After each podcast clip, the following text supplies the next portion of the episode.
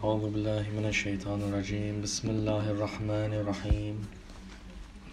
الحمد لله رب العالمين والصلاة والسلام على رسول الله وعلى بقية الله في الأرضين على رسول وعلى آله الطيبين الطاهرين المعصومين المكرمين.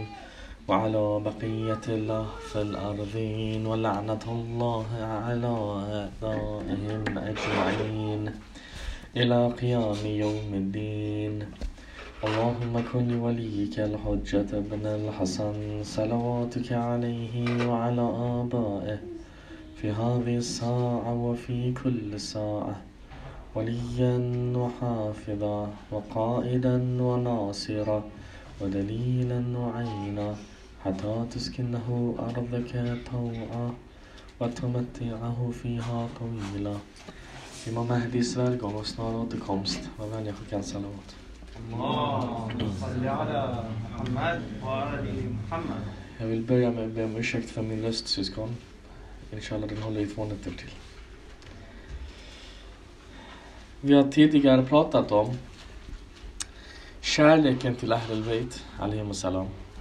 Vi har pratat om hur lyssnandet påverkar den här kärleken och får den att blomstra eller vissna. Utifrån denna synen som vi pratade om i förrgår, att grunden till Islam är kärlek, så ska vi se på mannen och kvinnans ställning och deras roller, könsrollerna. Bakgrunden till denna föreläsning är bland annat den syn som finns gentemot kvinnor speciellt, särskilt från männens håll. Som uttrycks online på olika sätt. Inte minst eh, i olika grupper och diskussioner och så vidare. Den här synen som uttrycks här, som jag har läst själv och tittat på och så vidare, den är inte särskilt islamisk. Den är inte grundad på kärlek, utan den är baserad på någon, den är snedvriden, obalanserad och tagen ur sin kontext. och den används för att shama och skambelägga våra systrar. Ett exempel för att ni ska förstå vad jag menar. I en grupp såg jag en broder lägga upp en hadith. Han la upp en hadith att den bästa kvinnan är den som tjänar sin man. Punkt slut, wassalam.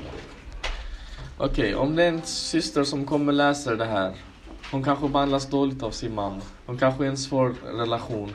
Och hon läser det här, hon kommer få mycket skam och ångest och känna att hon är en dålig människa.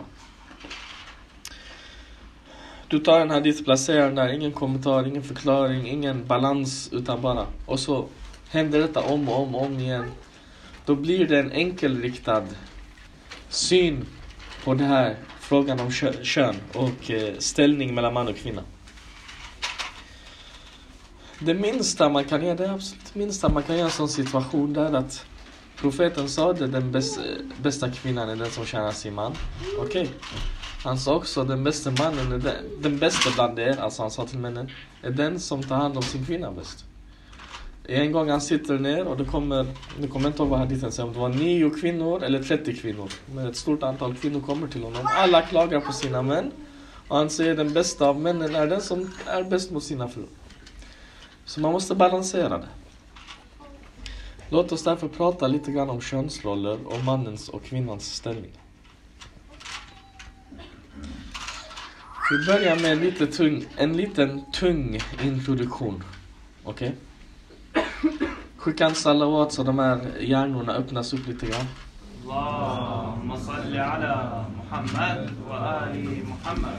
Repetera efter mig. Bismillah rahman rahim. Okej, okay. det var muqaddaman för den här. När man beskriver Gud, vad brukar man säga? Man brukar säga att Gud har 99 namn, eller hur? Allt från Shadid al-Iqab, den som är jätteintensiv och hård i sitt straff, till Al-Wadud, Al-Rauf, Al-Rahim, den som är kärleksfull, vänlig och så vidare. Alla de här olika namnen beskriver olika av Guds egenskaper. Man brukar dela in dem i två grupp, grupperingar. En grupp kallas för Jalal. Jalali namn. Jalal är majestät, ståtlighet, kunglighet. Alltså de kungliga namnen. En grupp med namn kallas för Jamal. Alltså vackra, sköna, fina namn. De är kärleksfulla. Namnet Allah, Allah som vi säger, Allah, det är den perfekta balansen av alla de här. Alltså när man tänker Allah, han är både Shadid och Liqab, han är både rättvis, han är både Rahman, han är både Rahim, han är allting. Det är den kompletta sammanfattningen av alla de här 99 namnen. Vem är den perfekta människan? Insan sanel kamel är den som har tagit alla de här namnen Bluetooth connected. Alhamdulillah. Alla de här namnen och etablerat dem och manifesterat dem i sig själv. Så han är både rättvis, generös, kärleksfull, sträng där det behövs och så vidare. Så den perfekta människan är den som är en spegelbild av Allah.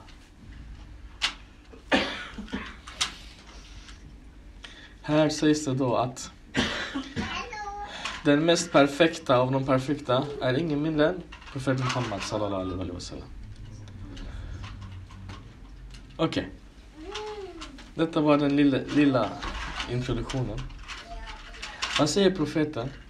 Profeten säger Thalath är älskad av mig. Nisa, kvinnor. Tayyib, parfym. Och bönen, salah. Thalath. Okej. Vad är Nisa, det som brukar översättas som, kvin eh, som kvinnor? Den heliga Koranen säger Innama nasiyu ziyadatu fil kufr. Innama nasiyu. Sannerligen är fördröjningen. Nasiyu betyder fördröjningen. Alltså det är en försening, en fördröjning. Det har inte med kufr att göra men ordet betyder så. Ordet Nisa kommer från nasiyu, från samma grund. Alltså det handlar om en typ av fördröjning eller försening. Vad menas med det? Profeten kallade dem för Nisa för att kvinnan skapades strax efter mannen. Så mannen skapades, så kom en liten fördröjning och så kom kvinnan. På det sättet så är kvinnan en grad under mannen. Den heliga Koran säger وَلِرِجَالْ عَلَيْهِنَّ دَرَجَةً Männen har en grad över. Vad betyder det här? Jag ska, så det inte missförstås, vissa tar det och så missförstår de det. Det betyder inte att mannen är bättre på något sätt. Utan en hadith säger till exempel, eh, för er som inte vet. Eva skapades inte från Adams revben.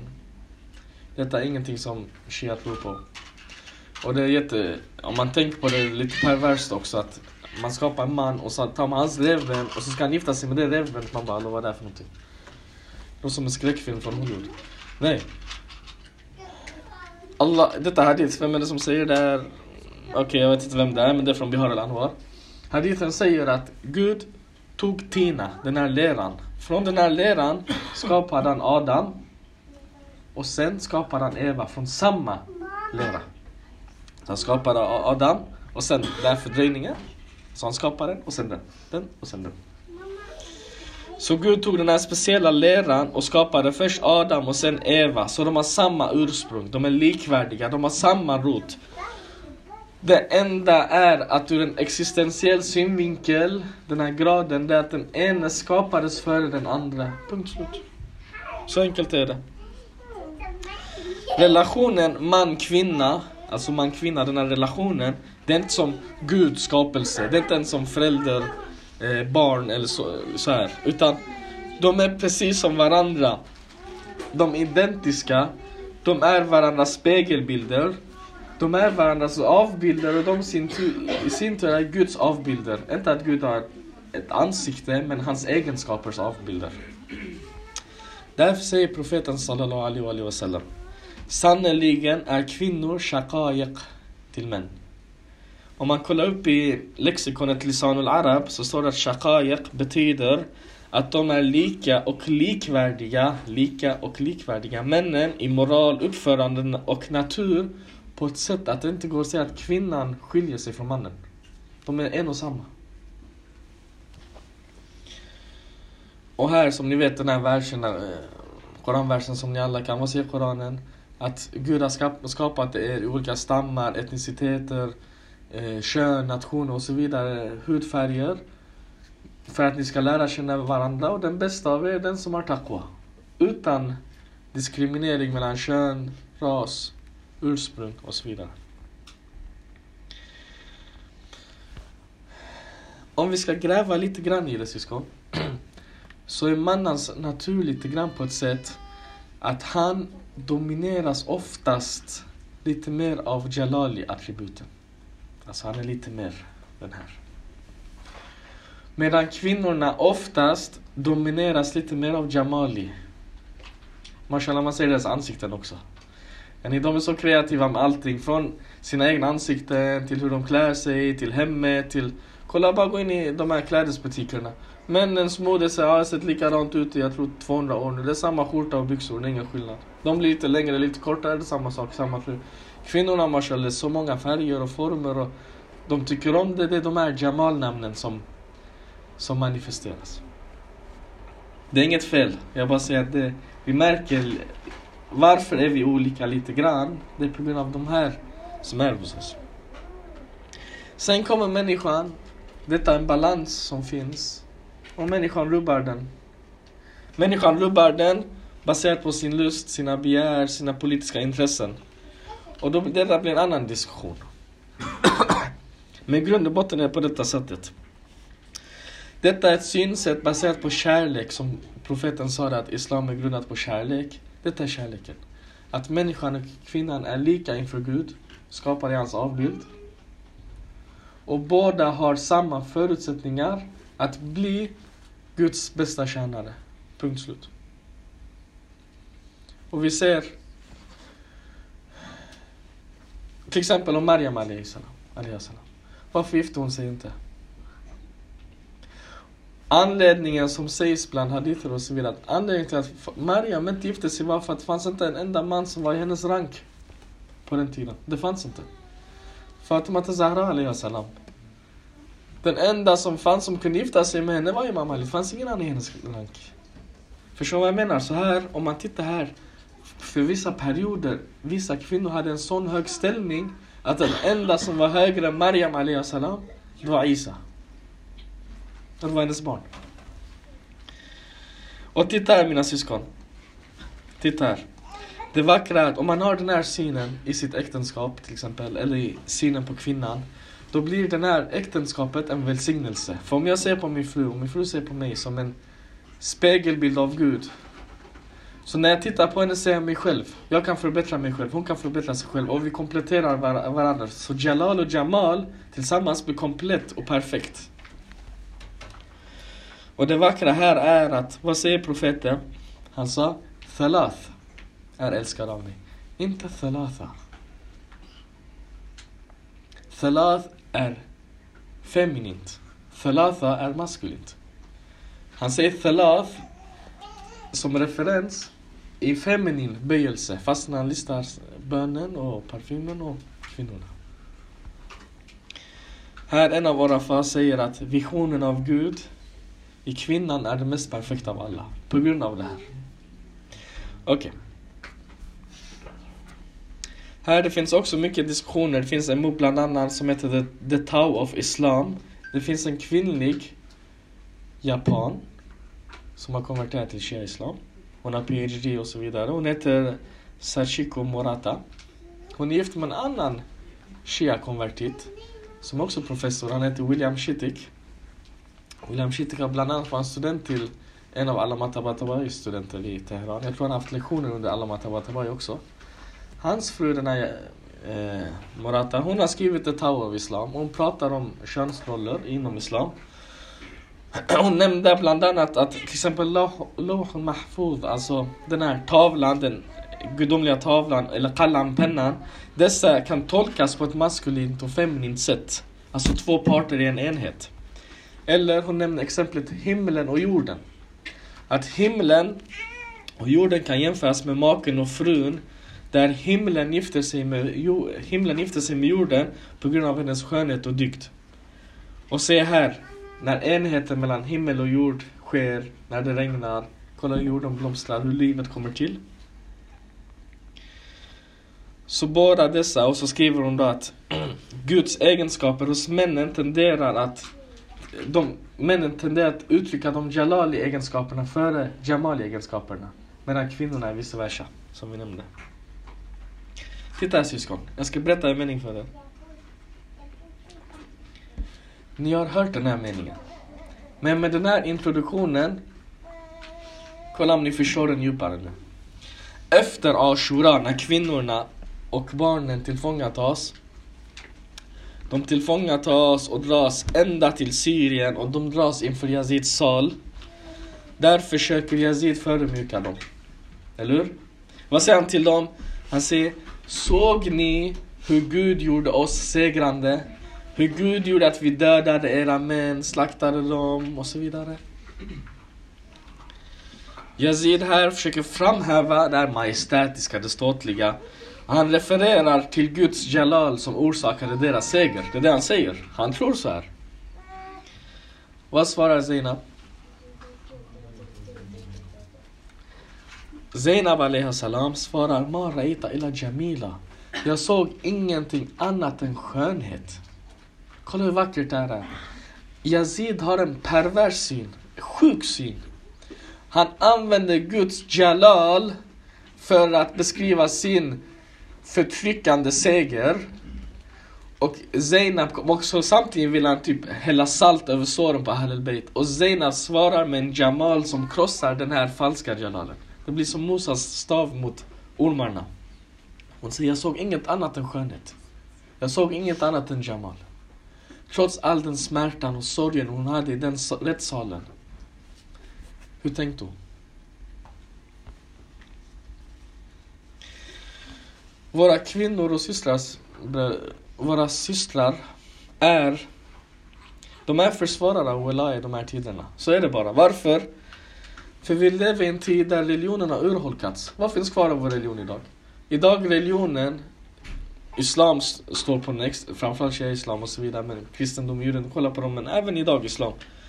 Det är bara riter, seder, du har inte tasbih, du har amun, munajat och så vidare. And that's it. Religionen har ingen aktiv röst, den har ingen påverkande röst på samhället, på saker och ting, på ekonomin, på kulturen. Religionen är bara någonting i skymundan åt sidan. I det här samhället, i det här sekulära, så kommer en människa, okej, okay. den här människan, oavsett hur religiös hon är eller inte, spelar ingen roll, om hon är lite religiös, är jätte, jätte religiös.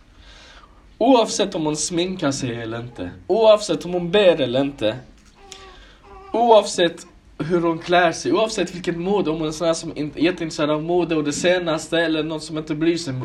Oavsett, så länge hon tar på sig en liten tygbit över huvudet och går ut, det är som en skylt hon har i pannan, jag är muslim. Jag är muslim, Allahu akbar, i det här samhället. Jag kan vara religiös, jag kan vara jätte, jätte, jätte, jätte, jätte religiös. Och jag går jobbet, ingen vet vad jag går på. Nu, speciellt nu det är trendigt med skägg. Alla går, ah, har du också skägg? Ja, jag har skägg. Har du skägg? Ingen vet vad jag har för position. Och jag sitter här 16-17 år senare, jag har ansträngt mig, jag har eh, läst, jag har jobbat upp en tro, en styrka, ett självförtroende. Så jag kan kanske klara av många av de prövningarna i samhället som en nioåring, en tioåring, en tolvåring. Hon har precis tagit på sig slöjan. En 15-åring, en 17-åring, en 19-åring.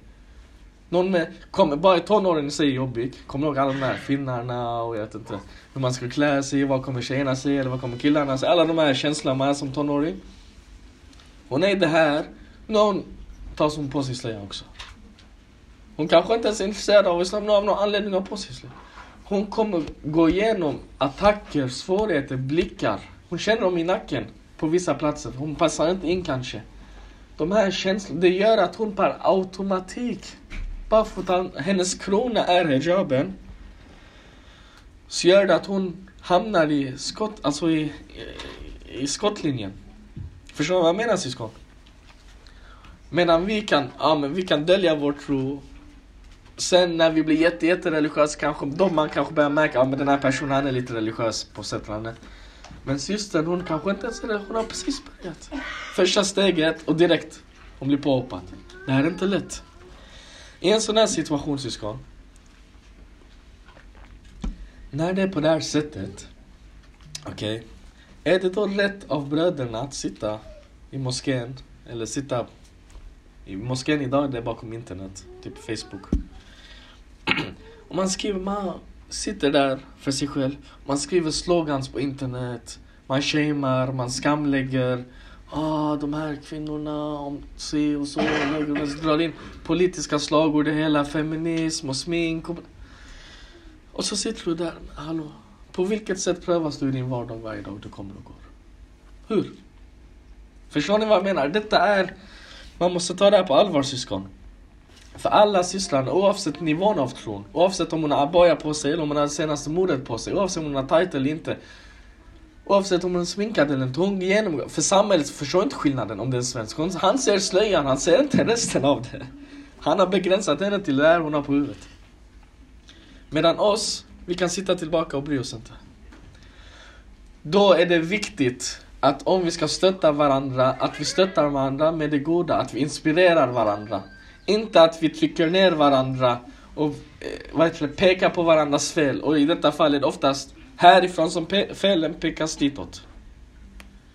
För jag har inte läst många inlägg, ska jag, om jag ska vara ärlig, där systrarna klagar på att bröderna är si eller så. Har ni läst sådana? Har ni läst inlägg där när man ska prata om slöja, man direkt ja ah, men slöjan ser ju så och sminket och tajta kläderna och bättre om ta av sig och det, det finns många sådana här tongångar. Men om mannen, ah, han går inte salajom, låt han raka av skägget. Jag har aldrig hört någon syster säga så. Till exempel. Ah, han har inte tasbih i handen, vad är det? Och han kallar sig muslim, han får inte be i skolan. Det finns inte så, det, alltså. Här är det vackra också syskon. Välkomna, välkomna. Välkomna kassan. اللهم صل على محمد وآل محمد Det vackra här syskon är att Alhamdulillah det är Gud som dömer. Gud säger och dömer. Vad händer? Det finns en hadith. En delegation med kvinnor kommer till profeten och de klagar. De säger profet, ja Rasulullah. Vad är det? Männen Får gå i Salat Jomma, de går till moskén, de ber, de läser Koran, de får göra Jihad, de får göra Hajj, de får göra alla de här sakerna. Och vi bara är här. Varför har inte vi något program? Så profeten svarar, nu jag omformulerar lite grann. Man säger, för er, bara att ni tar hand om hemmet en dag, bara för att bara ni tar hand om barnen en enda dag, alla era synder förlåts. Om ni fastar en enda gång, det motsvarar typ 70 av deras fasta och så vidare. Vad han försöker säga till dem är att det där lilla ni gör, de måste göra så här mycket för att komma ett steg. Ni måste göra så här lite för att ta tio steg. Kolla här. Vad ska man göra för att hans synder ska bli förlåtna? Han måste typ åka till Hajj. Det är typ 50 000 kronor, ta tre eh, veckor. Ni som har varit Hajj, det är jobbigt. Alltså så här, all, all det här före och efter och så vidare. Här, om kvinnan till exempel föder hon barn, alla hennes synder är förlåtna. Ja, men ni säger föda barn jobbigt, ja jag håller med. Amma ditt barn en enda gång, alla dina synder är förlåtna. Så alla systrar som ammar och ni som är gravida, det är eh, gratulationer till er. Ni, ni gör typ Hajj fem gånger om dagen. Alla synder förlåts. Om man kollar på hadiserna, det är mycket inriktat, om man ska kolla på det, det, det blir på det här sättet att vi är på en resa, om det är en man och en fru, vi sitter tillsammans. Mannen gör ändå mycket av det här jobbiga som kvinnan inte behöver göra, hon kommer lika långt, om inte längre. Så Gud är medveten om det här. Kvinnorna har alltid haft en stor roll, inte minst i Karbala och i Ashura. När de når Kofal så kommer Zainab, frid vare med henne. Hon, folk står där, tänker de har tagit alla de här kvinnorna, de är assyrier, de är tillfångatagna. Hon håller ett tal, jättevasst tal. Hon säger Åh, folk av Kufa, inser ni vilken del av profetens hjärta som ni har kapat i tu? Vilken ahd ni har tagit sönder, vilket blod ni har spilt, vilken heder ni har skändat.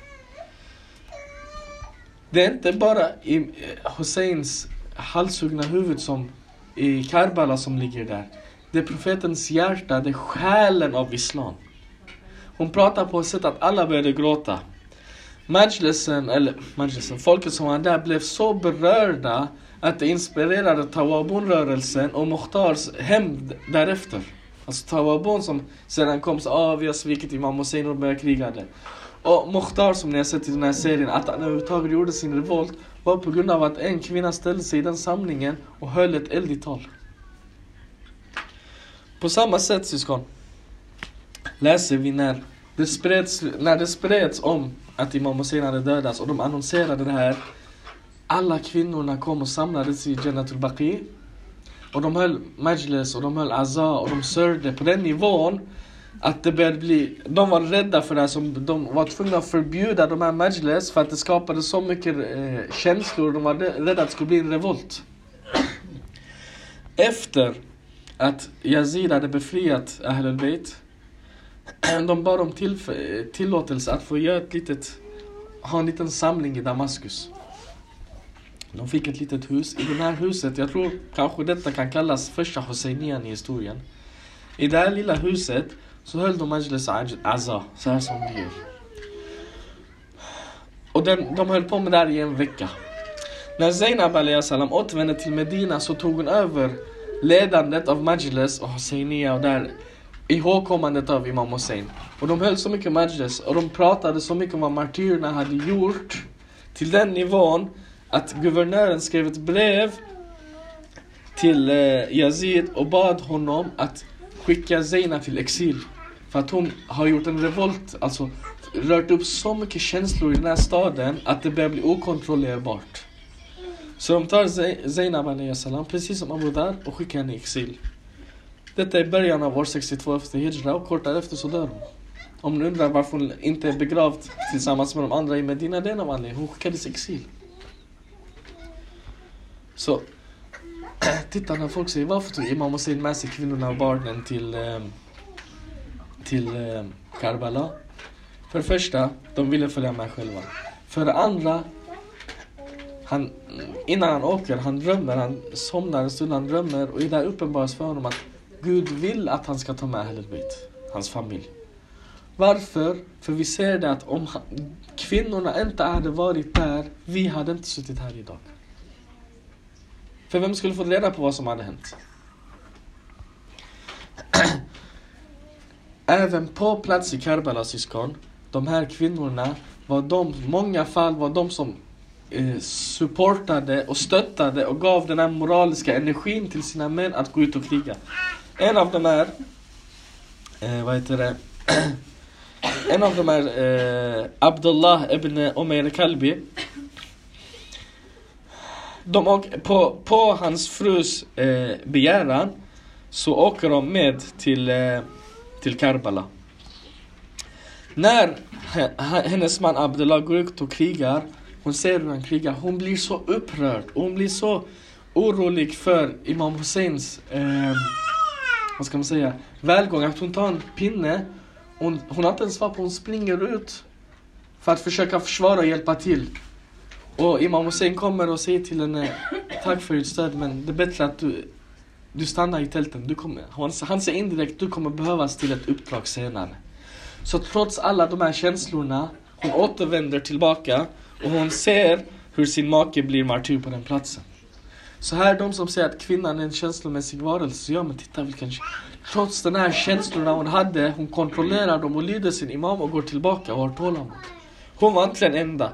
Det var flera som gjorde så här. De kommer dit, sponsrar sina män. En av dem till exempel var Bahria. Janada, hennes man, går ut och krigar. Han blir martyr. Hon stöttar honom, säger kom igen, gå ut och så vidare. Hon skickar sin son Amr också. Imam Hussein säger nej, gå inte. Jag är rädd att din mamma blir alltså, deprimerad så att säga för att hon har precis förlorat sin make. Han säger Nej, det var hon som skickade mig. Hon vill att jag ska gå. Han går, han blir också martyr. Och när han blir martyr, hon sörjer inte. Hon går och tar en järnklubba, hon springer ut till krigsfältet också. Imam Hussein säger kom tillbaka. Vi behöver dig till ett annat krigsfält senare. Titta vilket tålamod syskon.